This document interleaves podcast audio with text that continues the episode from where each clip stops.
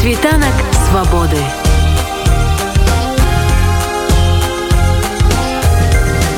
Świt wolności.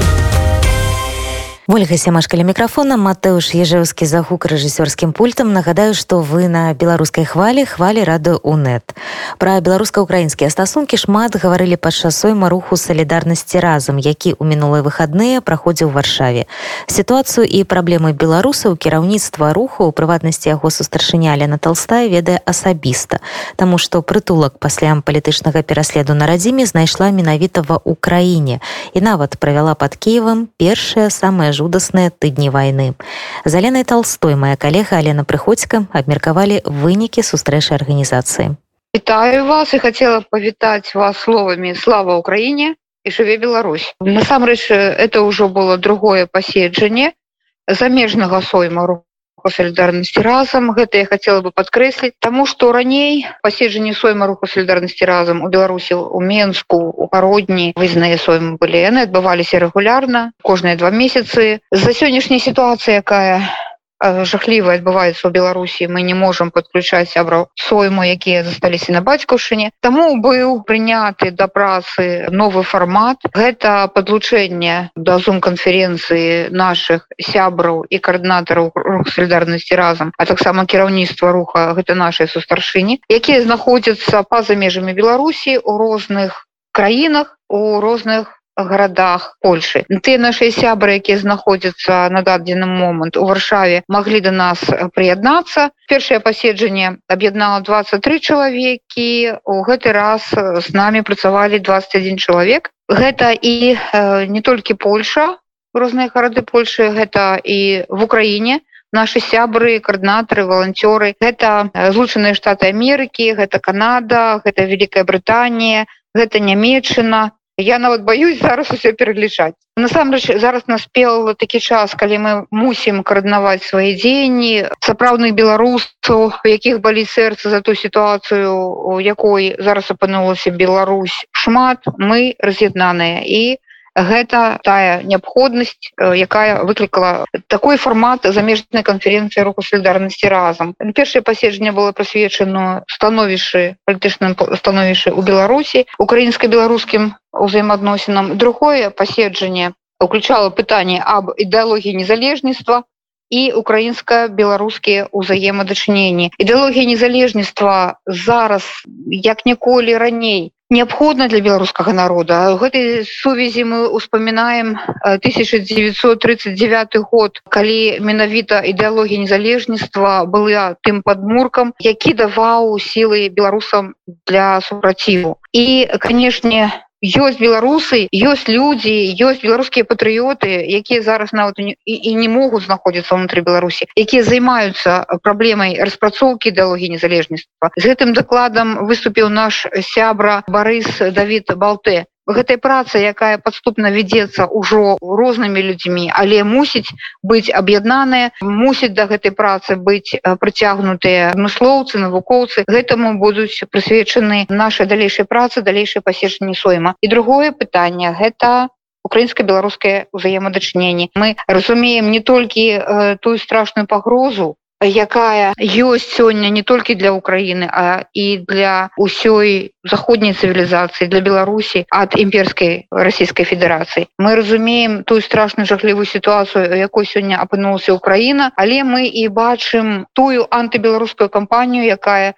сёння распачалася практычна ва ўсім свеце. На жаль мы вымушаны былі канстатаваць што беларусы на сённяшні момант практычна не маюць хаўруснікаў саюзнікаў недзел у свеце і на жаль інфармацыйная повестка по сітуацыі жахлівай якая сёння ўнутры беларусі знікла з першых палосаў сМ сёння амаль што нікога не цікавяць ці жахлівыя палітычныя рэпрэсіі якія працягваюцца ў беларусі і толькі набіраюць абарот. Вымушаны мы зазначыць што тая антыбеларуская кампанія якая праводзіцца зараз ва ўкраіне праводзіцца мэтанакіраваныя свядома праводзіцца ад першых асобаў дзяржавы яна не толькі шкодзіць беларусам яна не толькі пакідае беларусаў сам насам з тымі жахлівымі рэпрэсіямі якія абрынуліся на беларускі народ. Гэтая антыбеларуская кампанія сёння шкодзіць уласна Украіне шкодзіць украінскаму народу і просто падштурхоўвае лукашэнкаўскія сілавыя структуры да таго, каб быць увязанымі у гэтую страшную вайну рассеі супраць Украіны. І для нас важна было сказаць пра гэта. І па выніках паседжання былі прынятыя две заявы. Першае з іх волю народам волю асобе.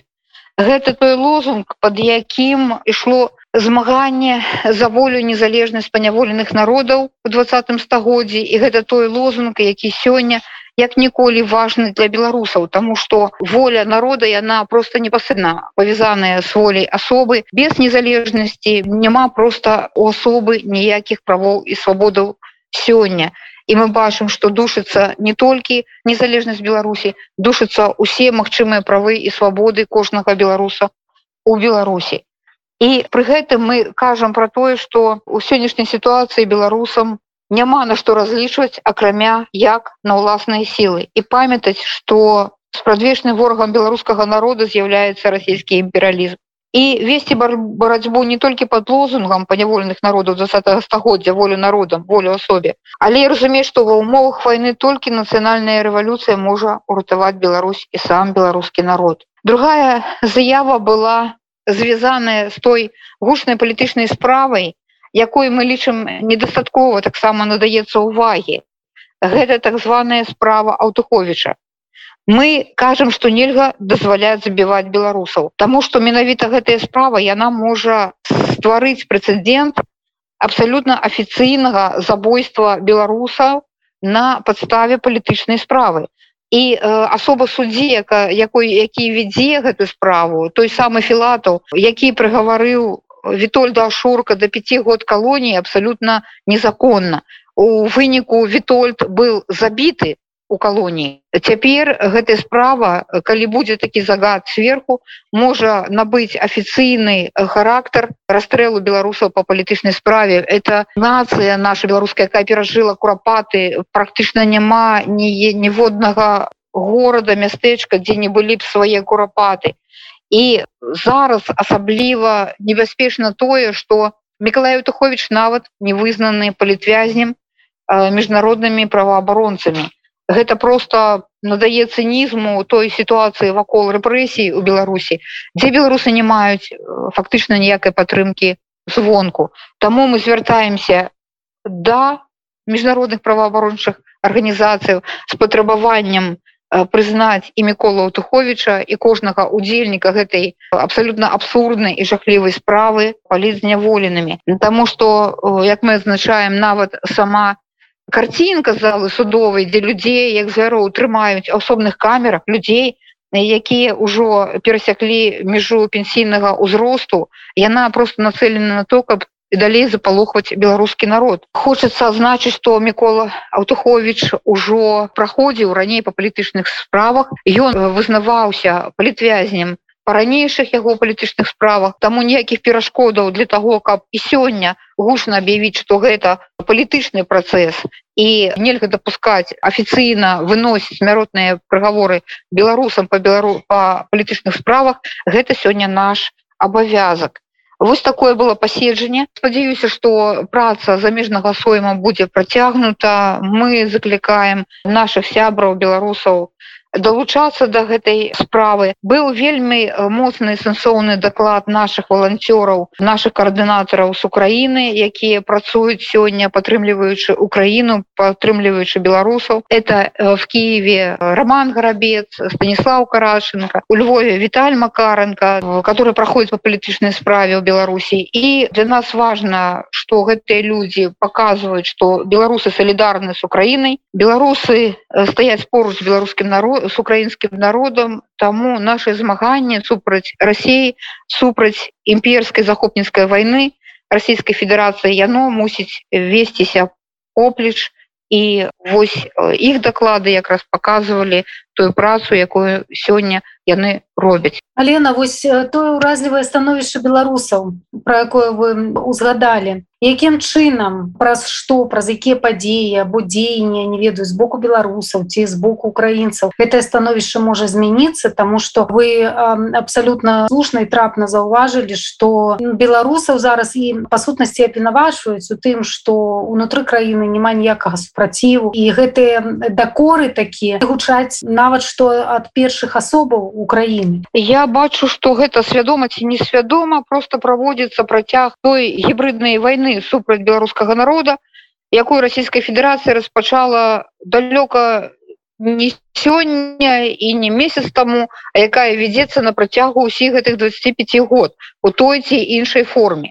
І менавіта з падаўлення рэвалюцыі беларускай у жніўні 2020 года і быў закладзены падмурак сённяшняй войны в Украіне. І менавіта гэтая гібридная вайна супраць беларусаў яна рабіла незразумелымі нават в Украіне падзеі у Беларусі. Калі мы у ліпені 2020 года высылкамі руху солідарнасці разам супольна з нашими украінскімі сябрамі і з украінскай студіі стратэгічных даследаваній арганізавалі працу беларускага інфармацыйнага цэнтра каб даносіць да украінскага грамадства падзеі беларускія і э, дэманстраваць пазіцыю менавіта беларускага народа то мы сутыкнуліся з тым что няма фактычна неразумення сітуацыі і вельмі слабая была нават цікаўнасць да таго што адбываецца ў беларусі. Вось гэтае нежаданне разумець нежданне адэкватна рэагаваць на тое што было у 2020 годзе. Сёння гэта нежаданне бачыць што рэпрэсіі працягваюцца. Что гэта азначае вот вы узгадали что беларус абвінавачваюць что э, скончыўся супраціў прабачьте калі мы у фейсбуку сваіх знаёмых которые нават баяцца гучна про гэта казаць бо зразумела что і далей будут рэпрэсіі атрымліваем но яны з'яўляются сведкамі того что камеры перапоўнены. Что яны трапляюць у камеру і с удзіўленнем бачыць что там на там четырех шестиместную камеру по 20 чалавек. А хто про гэта гучна зараз кажа?